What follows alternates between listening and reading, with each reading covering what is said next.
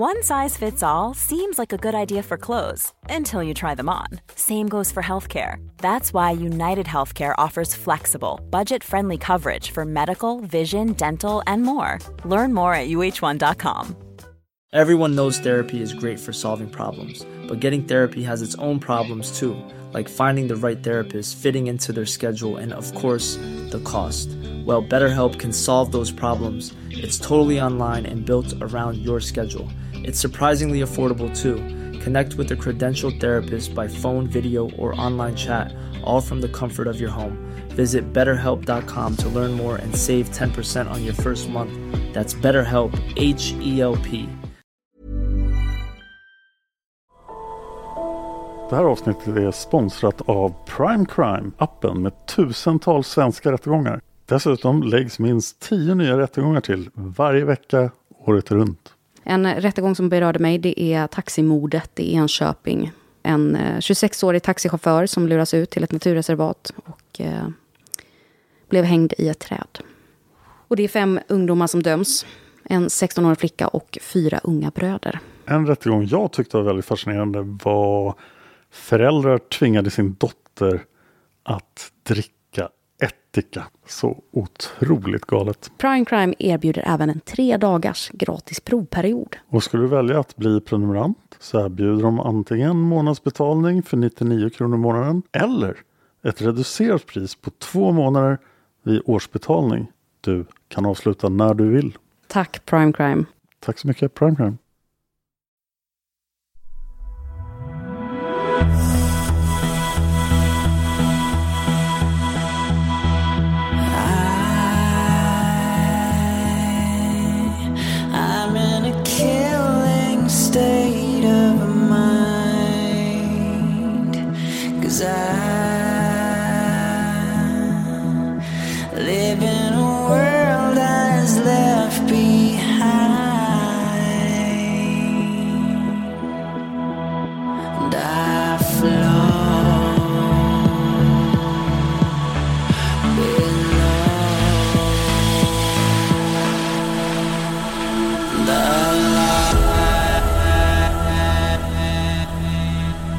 Lyssnar på Mördarpodden.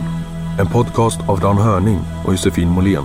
Intro och bakgrundsmusik görs av Erik Segerstedt.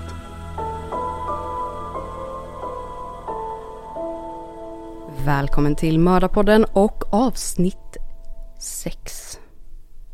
Tror jag. Ja, det stämmer. Nu är det är avsnitt avsnitt 6. sex, ja. Vi är halvvägs. halvvägs in i det här stora, omfattande mysteriet som Dan framför detaljerat på hög nivå. Fantastiskt, Dan. Men kommer ihåg när vi satt där med listan över telefonsamtalen 2019 Ja. i det här fallet? Och det var väldigt mycket som var fel från det vi trodde då, som inte stämmer. Men en sak jag aldrig tänkte på då var ju att de två mobilerna har ju varsin kamera. Mm. Vad fanns det för bilder på mobilerna? Men det ska vi prata om i avsnitt sju. Okej, ja. Så jag, jag skjuter upp bilderna till avsnitt sju. Jag kommer ihåg att jag tänkte på det då. Åh, smart. Men jag uteslöt att det skulle finnas några bilder där överhuvudtaget. Att de hade liksom bara tagit kort med kameran. För att Mm. när jag skaffade min första kamera, så allt skulle tas med den. Så att det Mm. blev inte mycket mobilfoton. Men jag tyckte också att det var väldigt konstigt, för det är väl klart att man eh, kanske skulle vilja spela in någonting ifall mobilen hittas någon gång. Mm. Det ska vi prata om. Gud vad spännande! Chris och Lisanne har ju då varit borta väldigt länge. Och i förra avsnittet hittade vi ryggsäcken. Och i ryggsäcken låg de båda mobilerna och digitalkameran. Vi ska prata om digitalkameran och bilderna från mobilerna i nästa avsnitt. Men nu ska vi prata om mobilerna och då den masstrafik man har kunnat notera. Panamas kriminaltekniker försöker då accessa datan på mobilerna. Och Lisans Samsung är i princip helt oskadad. Och vattenskadan är inte särskilt farlig, så den går att använda som den är. iPhonen som tillhör Chris är betydligt mer skadad.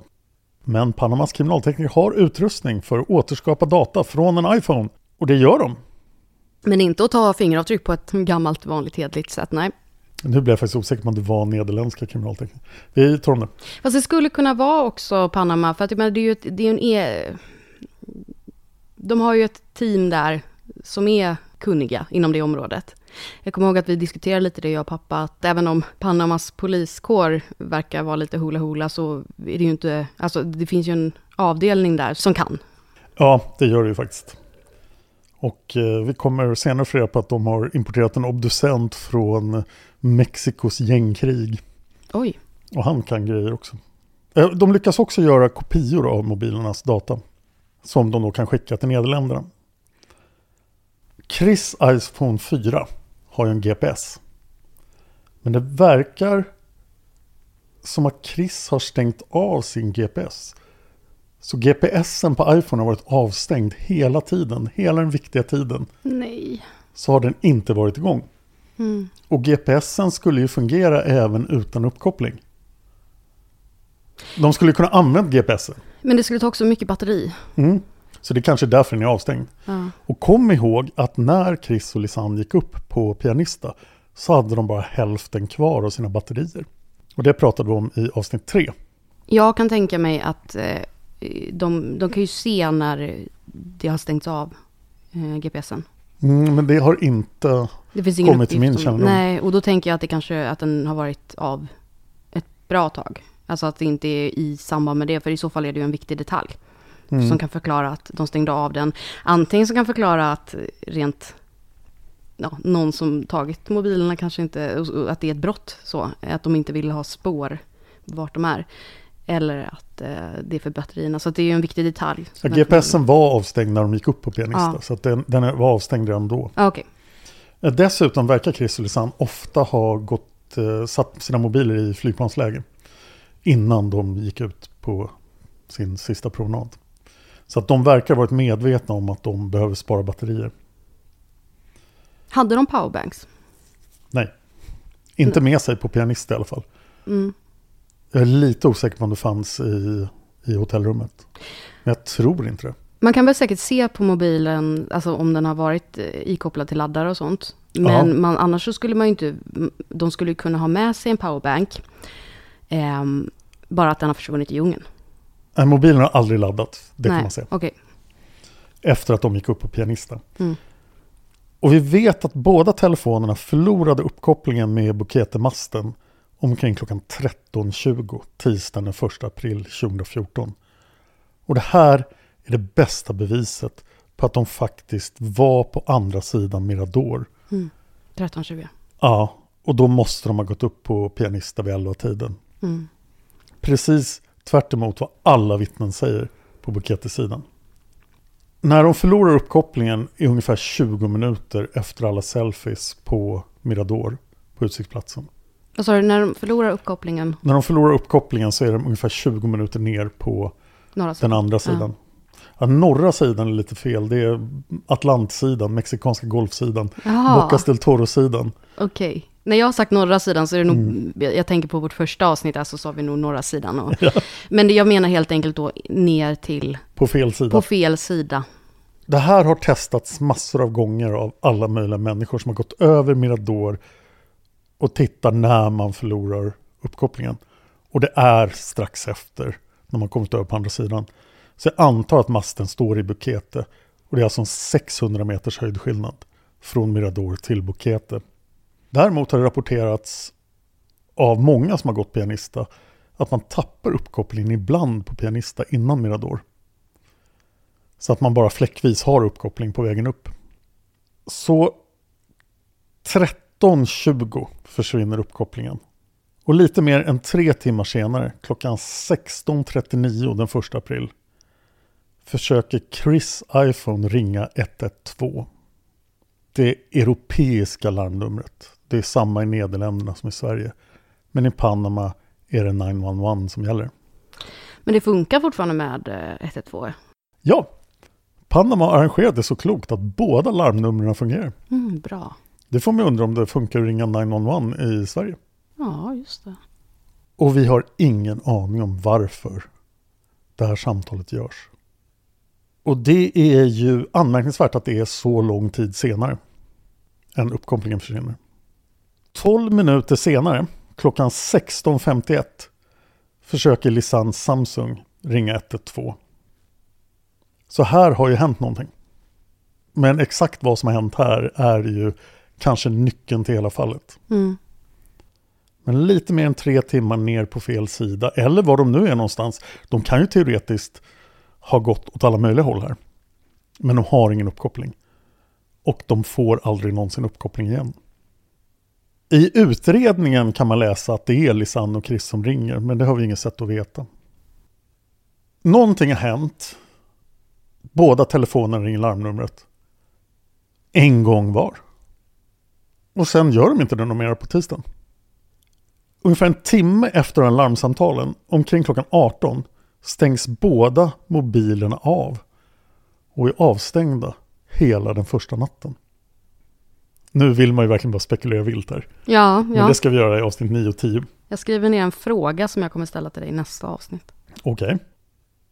Så Lisanne och Chris verkar tillbringa sin första natt i molnskogen utan att ha mobilerna igång och har ringt ett enda larmsamtal var.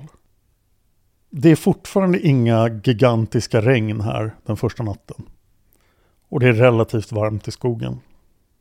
För det finns ju ingen täckning och det är därför de inte kan ringa Mm. larmsamtalet.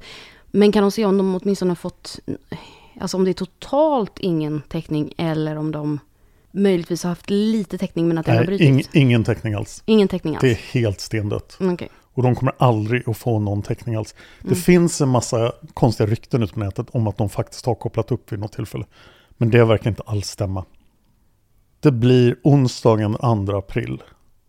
Och Feliciano kommer till språkskolan och träffar Eileen. Innan dess, vid 06.58, så försöker Lisanne Samsung ringa 112 igen. Det här är en halvtimme efter att solen har gått upp. Den gick upp 06.26. 08.14, alltså när Feliciano och Eileen står där utanför språkskolan, så försöker Chris ringa 112.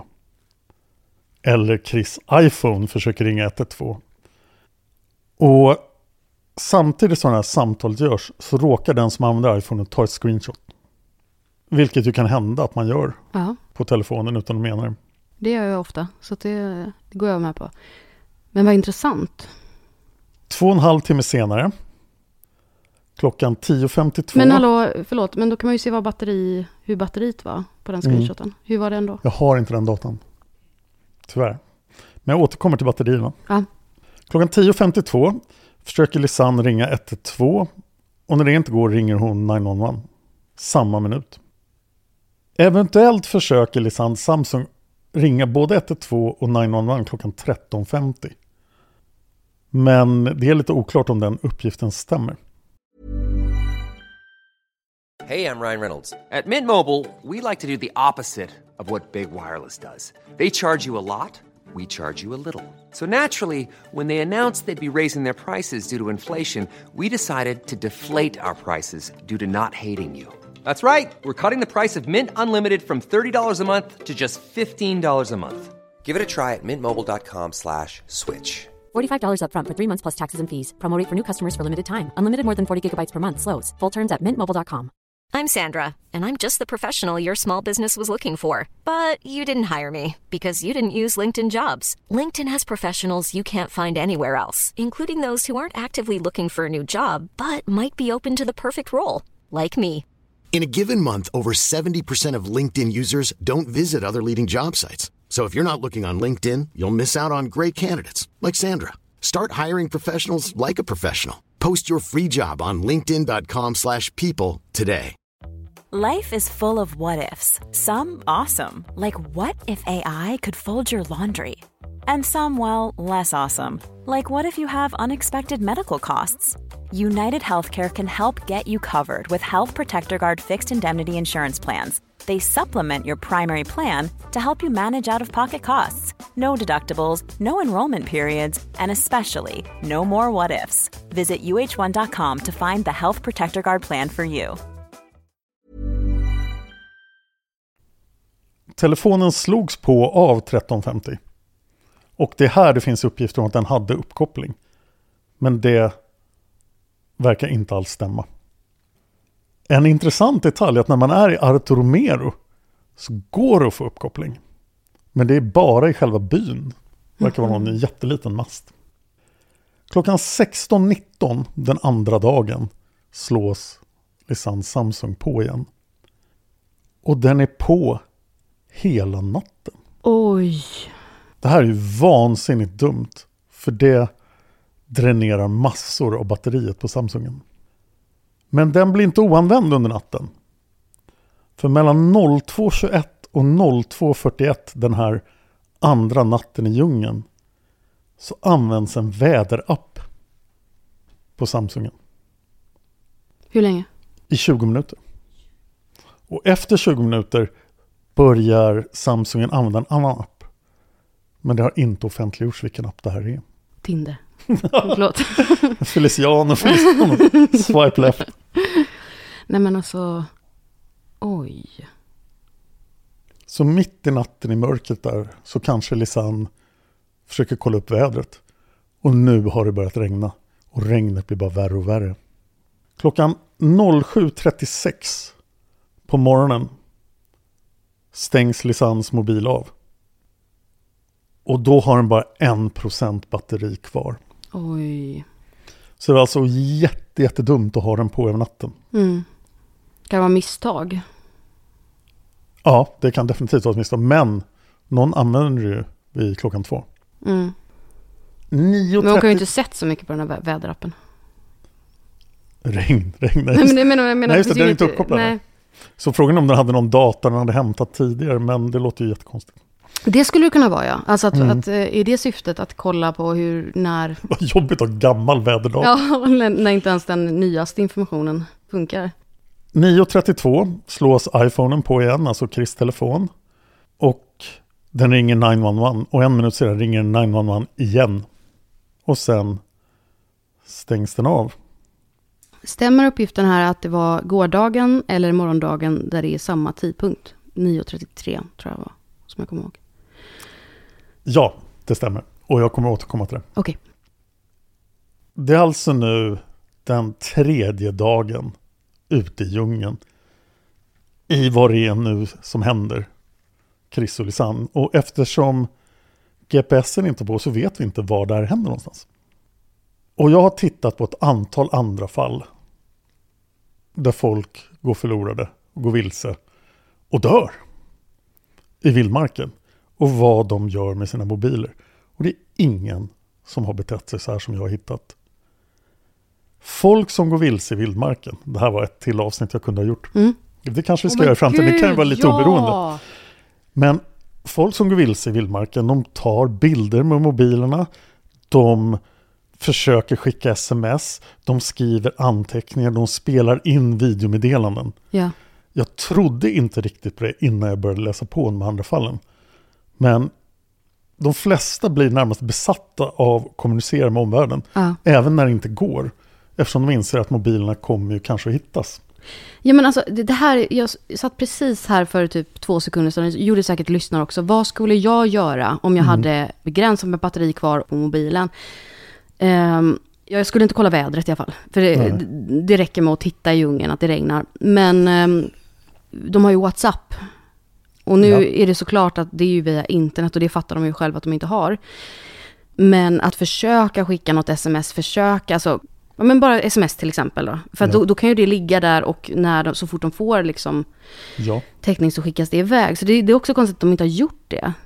Ingenting. Mobilanvändandet är redan väldigt underligt. Mm. 11.47 på torsdagen den 3 april slås iPhonen på.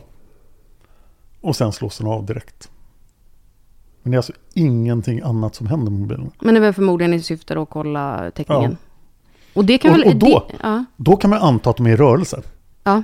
Faktiskt. För att varför kolla uppkopplingen Mm. om de inte har kommit till en ny plats? En sak som kan förklara deras märkliga beteende, att de inte gör så mycket på mobilerna. Eh, det skulle ju kunna vara att de har bestämt sig för att... Eh, eh, jag kan tänka mig att det är lite likt Lisanne och Chris också. Att så här, nu går vi till det här stället, vi checkar, vi går till det här stället, vi checkar. Men vi låter mobilerna vara avstängda under tiden. Eh, det där med väder... Vem var det? Var det Lisanne? Det var licens Samsung som fick Ja. slut på batteriet. Den har 1% batteri kvar. Ja, nej men, och det var väl jättekonstigt. Men Och det måste ju öka desperationen. Den här telefonen är snart förlorad och snart är bara iPhonen kvar. efter några dagar i djungeln så är man kanske inte i sina sinnesfulla bruk heller, så det kan ju också vara det. Men jag tänker mig att de går och rör sig ganska mycket. Att de slår på, slår av, försöker verkligen bara mm, ha slutat att liksom ringa. Men jag kan ändå tycka att det är konstigt i början där, för att jag menar när de försvinner från start, att man inte ringer och ringer och ringer och ringer. Ja, Om ni någonsin hamnar i den här situationen, att ni i vildmarken, ni är vilse och en av er har nästan slut på mobilbatteri. Då vill jag att ni tar med er en sak här. Den personen som har mobilen som fungerar bör berätta sin PIN-kod för den andra personen. mycket klokt. Klockan 15.59 på torsdagen den 3 april så slås iPhonen på igen och öppnar WhatsApp Jaha, och tar fram kontakten citat MYTIAM 00 507 679 XXXX slutcitat. Alltså Mytiam 00 507 679 XXXX. är det en inlagd kontakt som de Ja, har det är en inlagd kontakt. Och allting tyder på att det här är Miriam. Okej, Det är Miriams telefonnummer. Mm. Men det går inte att ringa den här kontakten. Det är oklart om det ens försöktes. Mm. Och sen slås iPhonen av. Det blir natt igen. Den tredje natten i djungeln. Och klockan 05.00 så dör Lisans mobil. Och nu har den 0% batteri kvar. Så ingenting gjordes med den. Efter att den nådde 1%. Du hade ju haft en iPhone 4 en gång vill jag komma ihåg. Mm. Och jag hade också en iPhone 4. Och det jag hatade allra mest min iPhone 4 Mm. var att batteriet var så dåligt. Nu är det här en ganska ny iPhone 4. Och då är ju batteriet mycket bättre. Ja, hade du problem med din 4? Inte när den var ny, utan det kom efter typ ett, två år tror jag. Då, då var den kass.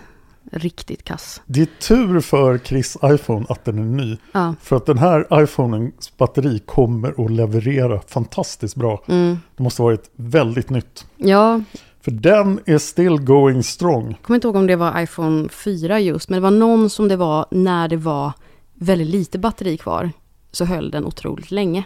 Alltså att det var nästan så här, men när ska den dö egentligen? Men jag kommer inte ihåg vilken av mina iPhones det var. Men jag har inte haft jättemånga, så det skulle kunna vara iPhone 4, alternativ eh, iPhone 5 kanske. Ja, min femma var fan ännu sämre än fyran. Jag gick ju från femman till iPhone 13, så att det, det är nog en av de äldre modellerna som jag kommer ihåg att det var någon som jag hade som, när den var på 20% så kunde den liksom hålla hur länge som helst. Men, men inte i eh, dåligt väder eller kallt väder eller... Min femma var så dålig att jag bytte till Samsung efter det. Ja just det, har du kvar Samsung? Jo, du har ju kvar Samsung. Jag Ja. har fortfarande min gamla Galaxy S8. Ja, ja, men jag har bara iPhone bara för att den tar hand om mig. Den och min dator pratar med varandra. Den här Siri, hon liksom löser mina problem, så det är därför. Ja, då förstår jag att du stannar kvar. Mm. Chris iPhone kommer att överleva en hel vecka till på batteriet. I djungeln. Under regnperioden. Oj, ja, just en hel vecka. Ja, tre dagar efter nattbilderna. Men de ska vi prata om i nästa avsnitt. Vi är alltså nu på fredagen. Den 4 april. Under den här dagen ringer inte iPhonen. Samsungen kan inte ringa längre. Men iPhonen försöker inte ringa larmnumret. Och faktum är att den aldrig någonsin gör det igen. Det här var de enda larmsamtalen. Och det sista larmsamtalet var alltså klockan 9.33 på torsdagen den 3 april. Ja, det, det är också märkligt. Det är jättemärkligt. otroligt märkligt. För det är som du säger, att man, liksom, man, man gör ju det automatiskt. Man bara testar och ringa. Ja. Alltså, och inte försöka göra det verkar otroligt disciplinerat eller jättedumt. Mm. Det blir lördagen den 5 april och klockan 10.50 startar iPhonen igen. Och rätt pinkod slås in. Här är sista gången rätt pinkod slås in på Chris iPhone. Den kommer ju överleva ända fram till den 11 april. Och lördagen, förlåt, men lördagen var vilken, det, vilket datum? Lördagen den 5 april. Så kommer, Okej. iPhonen kommer att överleva i sex dagar till. Men ingen kommer någonsin slå in rätt pinkod igen. Man kan inte på mobilen se om någon slog in fel pinkod. Så det är möjligt att mobilen användes utan att slå in pinkoden. Till exempel för att titta vad klockan är eller titta om det fanns en uppkoppling. Jag tror inte vi hade med det i vårt första avsnitt. Så kul att vi sagt att vi ska glömma vårt första avsnitt. Ja, och jag bara, måste här, glömma det. bara hänvisar till det hela tiden. Men det jag menar, liksom, den informationen man hade då, då var det också, ryktades ju om att så här, 77 gånger har någon slått in fel Jag kommer till pinkod. Jag kommer Okej, till mm. De 77 gångerna ska jag prata om. Okej. När då någon loggar in sista gången här på lördagen den 5 april klockan 10.50 så användes alltså två pinkoder de tvungna slå in. Först simpinnen och sen login-pinnen. Och allt hade gjorts korrekt fram till det ögonblicket. Och telefonen hade låsts om det här hade slagits in fel för många gånger. Klockan 13.14, alltså två och en halv timme efter det sista framgångsrika inloggningsförsöket på Chris iPhone, så skapar Samsungen en loggfil. Men Samsung hade ju slut på batteri. Och den här loggfilen är tom. Så möjligtvis är det bara ett resultat av ett försök att slå igång Samsung igen. Och så hade den lite, lite, lite energi kvar så att den kunde börja skapa den här loggfilen och sen stannar den upp. Och nu måste vi titta lite mer på Chris iPhone då som är vår enda aktiva telefon. Den kör iOS 7. Och om man då hade slagit in fel pinkod, vilket vi inte kan se, så hade man blivit utelåst från mobilen i en minut om man slog in koden fel sex gånger. Sju gånger så har man blivit utelåst i fem minuter. Åtta gånger 15 minuter. Nio gånger i en hel timme. Och om man har slagit in fel kod tio gånger så hade man blivit helt utelåst från mobilen. Eller så hade mobilen raderat all sin data. Beroende på vilken inställning man hade. Oj. Ja, men det här hände alltså inte. Det finns inga loggar av att någon blir utelåst. Så att om någon slog in fel pinkod så händer det inte sex gånger. Fråga om pinkod. Eh, kunde man se om, för du sa man kunde inte se om någon slått in fel, men kunde man se om någon slått in rätt? Och då användes inte pinkoden efter lördag. nej. Vi är nu framme vid dag 7, 8 och 9. Dag 7, 8 och 9 görs ingenting på någon av telefonerna. Och det är anmärkningsvärt om vi tänker på vad vi ska prata om i nästa avsnitt. För den 8 april tas nattbilderna. Mm. Och då verkar det hända jättemycket grejer men det involverar inte Chris iPhone. Så larmsamtalen var de första tre dagarna. Dag 4, 5 och 6 var det inga larmsamtal utan mobilen slogs bara på. Och dag 7, 8 och 9 görs det ingenting med mobilerna. Som att man har givit upp där. Men Chris iPhone slås på av från och till. Jaha, men så det gör den ändå? Ja, Okej, ja men så den används ändå under de här tre dagarna? ända fram till den 11 april. Okej. Och det verkar ju som sagt väldigt länge för mobilbatteriet. Men då skulle man kunna säga så att ehm, eh, mobilen de tre första dagarna, då är det larmsamtal. Därefter inget larmsamtal. Eh, någon tittar på en väderapp. Eh, Mm. Lisanne tittar på en väderapp, men det tror jag var innan de här tre dagarna va? Och sen efter det så händer ingenting med mobilerna förutom att Lisannes eh, mobil dör och Chris telefon slås på och av. Mm, men ingenting annat. Ingenting annat. Och väldigt korta stunder. Men på fredagen den 11 april slås iPhonen på klockan 10.51. Det här är alltså den elfte dagen i djungeln. Mm. Och den slås inte av förrän efter en timme och fyra minuter. Den här fantastiska iPhonen med sitt otroliga batteri har fortfarande 22% batteri kvar. Åh herrejösses. Men när den slås av här på fredagen den 11 april så slås den aldrig på igen. Trots att den har batteri för det. Trots att den har 22% batteri kvar. Ja. Det är ju märkligt. För om man ändå då kanske vill ta farväl eller någonting, att man är så pass, då kanske man ändå kan slå på den och spela in någonting. ifall man nu tänker att det kanske kan komma att hittas någon gång. Ja, dessutom är det ingen som har gjort någonting på mobilen överhuvudtaget som kräver nederländska. Det är ingen som har skrivit någonting på mobilerna. Det är ingen som har använt någon nederländsk app. Ja. Det finns inga bevis för att den som har använt mobilerna faktiskt kunde nederländska. Nej. Så det kan alltså mycket väl ha varit någon annan Mm. än Chris och Lisanne som använde den. Och sen tänker jag eh, att eh, det jag sa i förra, förra avsnittet, eller förra avsnittet, jag kommer inte ihåg, något avsnitt sen, eh, så var det ju att eh, sökinsatsen avbröts efter 13 dagar, för att de kände att nu, nu finns det inga liv kvar att hitta. Mm.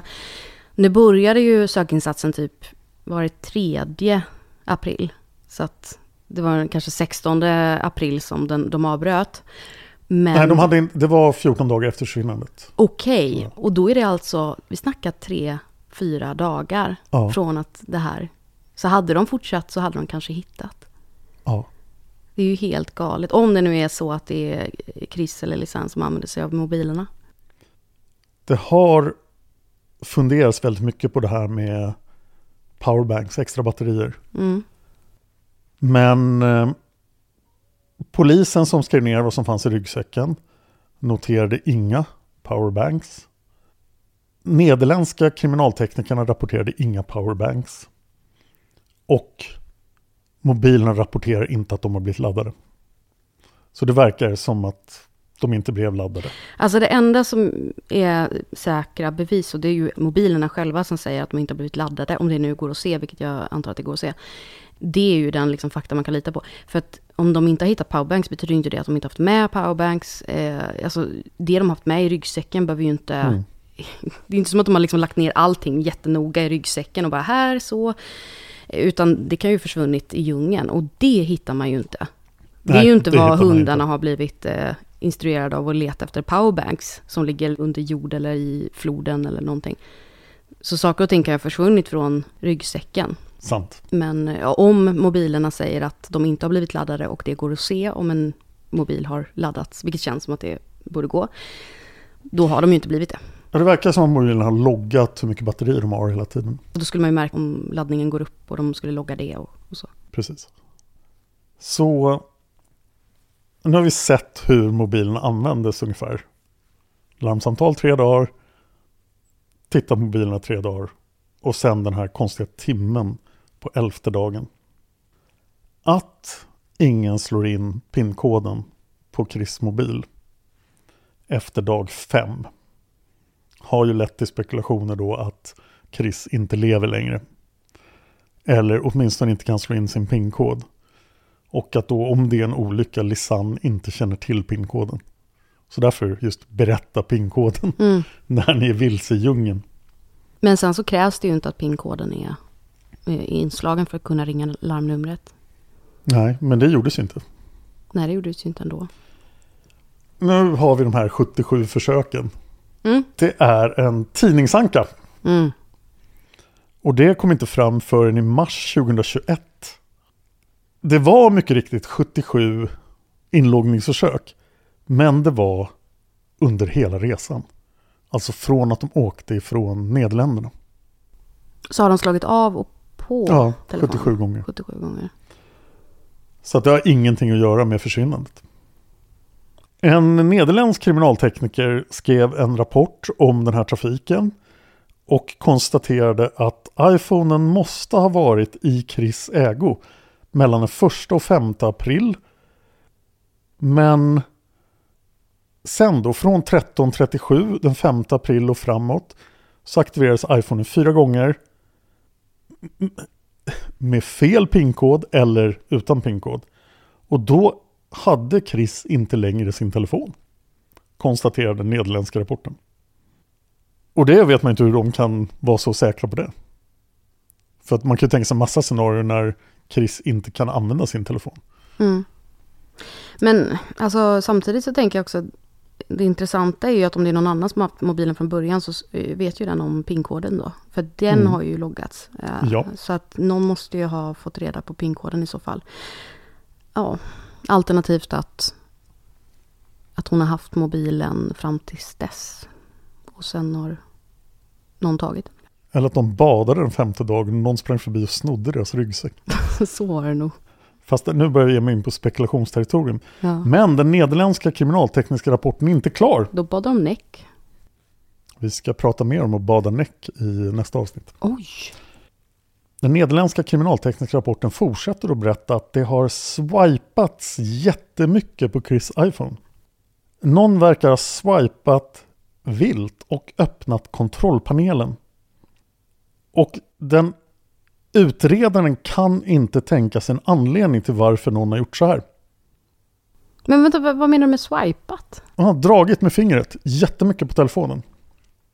Ja, men, men alltså som på Tinder? Alltså, eller, Ja, men ja, om precis, man gör men- det på... vansinnigt mycket. Så pass att det de går att se. Varför gör man det då? Är det för att liksom uppdatera hur täckningen ser ut? Kanske? Alltså man liksom uppdaterar... Jag vet inte. Men åt vilket håll har de swipat? Det- Vad, vad är det för Det något tror jag inte man kan se. Men en sak som den nederländska kriminalteknikern inte kände till var att det fanns ett hack på iPhone 4. Så det gick att swipa sig in på en låst iPhone 4. Nej! Om man gjorde exakt rätt. Och det här var känt. Och det fanns YouTube-videor på hur man gjorde. Vilken dag var det som... Eller det börjades med swipandet? eh, Det kanske inte framgick. Det började den 6 april. Okej. Och eh, nu ska vi se här. Det var eh, efter Men- att pinkoden inte har slagits in. Och var Ja. på Chris? Och den kriminaltekniska utredaren skrev i sin rapport att en tredje part hade försökt ta sig in på mobilen. Jaha. Eller hade försökt använda mobilen. Det Men det verkar ju- som att de inte kände till det hacket. Och det hacket var ganska okänt, men det fanns YouTube-videor som berättade om det. Mm. Men de hade väldigt lite views. Men eh, så från och med, eh, nu har jag inte datorn, datumen i huvudet, men det behöver inte bläddra tillbaka. Men jag tänkte på, eh, från och med att eh, eh, Chris inte slår in sin pinkod. Ja, Visst var det, det var en lördag i alla fall. Så det var bara några ja dagar. det, var en lör- det var lördagen den femte.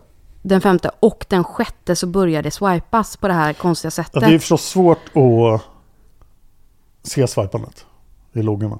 Ja.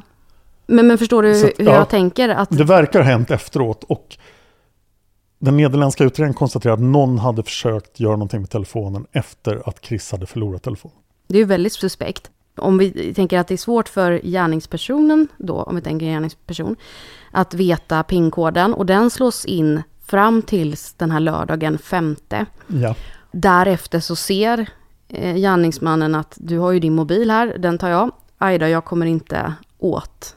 Jag Ja. behöver hacka mig in på den här mobilen och försöka med det, men lyckas inte då, för att den slås ju aldrig in igen. det känns ju som att han i så fall skulle kunna tvinga Chris uppge sin pinkod. Ja, man, ja, Och varför fick hon ha mobilen så länge? Men det här ska vi lämna till spekulationsavsnittet. Men du var någonting på spåren där med 9.33. Mm. För att alla samtalen händer under en ganska liten tidsperiod. På förmiddagen och sen på eftermiddagen. Och det är ganska underligt. Mm.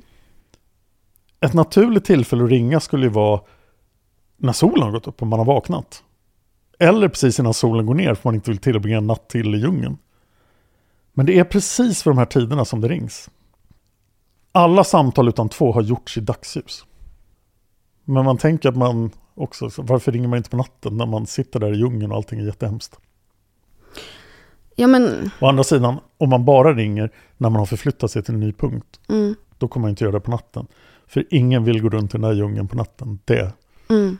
Nej men precis, alltså att man går tills att, eh, alltså om de nu skulle gå eh, och kämpa sig igenom den här djungeln och så blir det mörkt och de beslutar sig att här stannar vi och tar läger. På morgonen tittar om det finns, eh, alltså försöker ringa, det går inte. Vi fortsätter att gå, vi fortsätter att gå åt det här hållet. Fortsätter tills att det blir eh, mörkt och eh, bestämmer sig att ta läger och så på morgonen igen då så försöker man ringa. Eller man försöker ringa också när det blir mörkt, jag vet inte. Men det är ju märkligt. Att det är så himla rutinmässigt nästan vid Ja samma tid. Och det är ju en, ett samtal då som är 9.33 ena dagen och 9.33 andra dagen också. Och det, det tycker jag är jättekonstigt. Kommer ihåg att jag sa att Lisanne hade laddat ner Google Maps? Eh, var det under 10? Nej, men, Nej. eller vad säger jag? Nej, Under hon hade 10. gjort det innan de gick iväg. Mm. Jag har inte förstått hur Samsungens GPS fungerar. Antingen hade inte Samsung GPS eller så var den avstängd. Men det finns ingen GPS-data på Samsungen heller. Däremot har Google Maps som skulle fungera utmärkt då att titta på även utan uppkoppling. I efterhand menar du? Alltså det var ju nedladdat så att kartorna fanns ju. Det fanns ju kartor i Google Maps. Men de kan fortfarande inte se vart de är. Nej, men du kan se kartan. Mm. Men appen öppnades aldrig. Efter Mirador. Så ingen har någonsin tittat på kartan som fanns i Lisans telefon. Men är det så konstigt då? För att om jag inte vet vart jag är, varför ska jag då öppna en karta som visar eh, liksom hypotetiskt, där skulle jag kunna gå, för här kanske jag är. Men alltså det är ju, det enda som det skulle hjälpa det är ju i efterhand, att vi skulle kunna se att, eh, för, för när Google kopplar upp sig till internet igen så sparas väl ändå, om man har på GPSen, då Mm. sparas uppgifterna vart man har varit under tiden. Jag tycker ändå det är anmärkningsvärt för att tänk på hur det här landskapet ser ut med vattendelaren. Det är ganska brant. Och det borde finnas, om man inte är försatt i orörligt skick så borde man kunna förflytta sig någonstans där man ser ganska långt. Man ser vulkanen, man ser havet. Det är enorma Just höjdskillnader. Just det, ja men nu fattar jag, det är ju inte bara Ja, en och djungel. då måste det vara bra med en karta. Här är, där är mexikanska golfen, så tittar man på kartan, okej mexikanska Ja. golfen, då måste vi gå ditåt. Och om man hade den minsta fundering på om det gick att komma tillbaka till Bukete efter att man gått över Mitador så borde man tittat på kartan. Eller så visste man att det inte gick att gå tillbaka utan att gå tillbaka den vägen man kom. Men jag håller med dig nu. Mm. Ja, det är klart. Och har man också en flod så kan man se att det finns ju inte så himla många floder. Så att vi är åtminstone här någonstans, alltså på kartan. Och man kan liksom kanske titta och se på ett ungefär. Och som du säger också att det är, det är ju höga... Det skulle kunna gå att identifiera lite vart man är runt omkring. Mm. Och jag tror en viktig slutsats från det här just är att så här använder man inte mobiler om man är vilse i djungeln i tio dagar. Nej. Utan det är ett otroligt konstigt mönster av att använda sina mobiler. Om hända de fick aldrig uppkoppling. Men det känns ju ändå jättemärkligt. Har vi någon lyssnare som arbetar med mobiler och eh, gärna har arbetat med, arbetat med eh, lite äldre iPhones och Samsungs som kan bekräfta att de här uppgifterna som man kan få fram verkligen är vattentäta, så, så hör av er. Jag kommer att prata om saker i nästa avsnitt som kanske kommer sätta allting jag har sagt idag i lite dålig dager. Nej. För i nästa avsnitt kommer jag hävda att Panama-polisen har manipulerat data på licens Canon SX270 HS digitalkamera. För den ska vi prata jättemycket om i nästa avsnitt. Och jag fick i morse reda på det här. Det här visste jag inte Nej innan. men oj. Men att Panama-polisen har varit inne och fipplat med bilderna i kameran. Och de har erkänt det. Men det ska vi prata om nästa gång, för då ska vi titta på bilder. Och om du inte har tittat på bilderna förut så ska du följa länken i avsnittstexten när du lyssnar på nästa avsnitt. För då vill jag att ni ska vara med och titta på bilderna tillsammans med oss. Mm. För då ska vi gå djupt in i digitalkameran och även ta upp bilderna från mobilen. Gud vad spännande. Tack till Jeremy Cright för allt hans arbete med Daily Beast och Lost in Panama. Tack till Scarlett R för hennes fantastiska blogg. Och om ni tycker det här är för kort och för mycket sammanfattning och så här så kan ni gå till hennes blogg och tillbringa dagar med att läsa om det här fallet. Och titta på diverse nederländsk media. Mm. Så bloggen är på engelska men hon är från Nederländerna. Och hon har till och med gått in och textat en massa nederländsk tv. Mm. Och översatt artiklar och. Hon har gjort ett otroligt jobb. Mm. Och stort tack också till Sofie Karlsson som har varit med oss på den här resan. Tack Sofie. Och tack till Tobias Henriksson som också har eh, varit en stöttning i det här fallet, även om vi inte fick eh, arbetet gjort. Och ett megastort tack till dig Dan som har eh, fixat det här så sjukt bra. Och jag är... Alltså det, det är en känsloberg och dalbana. Jag hade inte kunnat önska mig att du hade gjort det här bättre. Nu kommer crescendo till nästa avsnitt. Nattbilderna. Sen eh, får vi ju eh, prata med Tobias som skickar ner honom till Jeremy Cright. Mm. Och gå på pianista. Oh. Eller vi kanske har så här nästa mördarpodden-öl i Bukete. Ja, på Metador. Ja, och sen dagen efter går vi bakfulla tillsammans med Feliciano upp till Metador. Tappar fyra lyssnare i djungeln. Bara inte Patrons. Nej, vad hemskt. Om du vill vara säker på trippen i Bukete, gå till patreon.com, sök på Mördarpodden och sponsra oss med valfri summa per avsnitt. Så får du höra alla avsnitt från Richard Chase till ett utan reklam. Och resterande delar av den här serien också. Mm-mm. Och kommande serier. De skulle jag vilja höra för jag har inte spelat in dem än. Nej, jag Det med. skulle vara spännande. Ja. Jag undrar hur de blir. Ja, följ Mördarpodden på Instagram, följ Josefin, J. Molén, J. Molén. J. Molén. Ja, och följ mig, Dan Hörning. Dan Hörning, sök på Dan Hörning så kommer han fram. Och följ min nya podd Nu blir det historia på Instagram. Där vi för närvarande bara kommunicerar i memes och alla memes är ledtrådar till vilka avsnitt som kommer. Nej, vad kul. Jag har inte sett att ni har en Instagram. Men jag har i och för sig haft Instagram-paus nu i typ eh, fyra veckor. Och, Ja, det kan man behöva ibland. eh, Det var jätteskönt. Men Jag nu är jag glad att vara Jag är tillbaka. inte säker på att det här Instagram-kontot bara kommer att fortsätta kommunicera memes. Men just nu är det en meme per dag. Och alla memes är ledtrådar om avsnitt som kommer komma i den nya historiepodden Nu blir det historia. Som är släppt när det här avsnittet kommer ut. Haha, om allting har gått bra. Och på Mördarpodden så postas det lite bakom behind the scenes. Behind the Jag är trött i huvudet nu. Bortom haven. Ja, eh, nej men vi lägger upp lite bakom scenen, eh, lite från eh, Mördarpodden-ölen och eh, lite allt möjligt på Mördarpoddens Instagram. Så gå in Ja, och följ det- där. Där händer allt möjligt Mm-mm. konstigt. Och både du och jag är ju lite mer aktiva på Instagram nu kan vi Mm. meddela. Så att eh, är det någon gång ni ska sympatifölja oss för att vi behöver följare så gör det nu. Och nu går vi vidare till digitalkameran. Joho! Vi ses i nästa avsnitt. Kasakake. Kasakake. Kasakake. Kasakake. Feliciano. Domingo. Stopp. Vad hette han då? Han där, du vet, eh, guiden. Rev. Reven. Feliciano? Nej, den andra, inte guiden. Han som sköt ihjäl björnar. Nej, leoparder. Kenneth. Kenneth.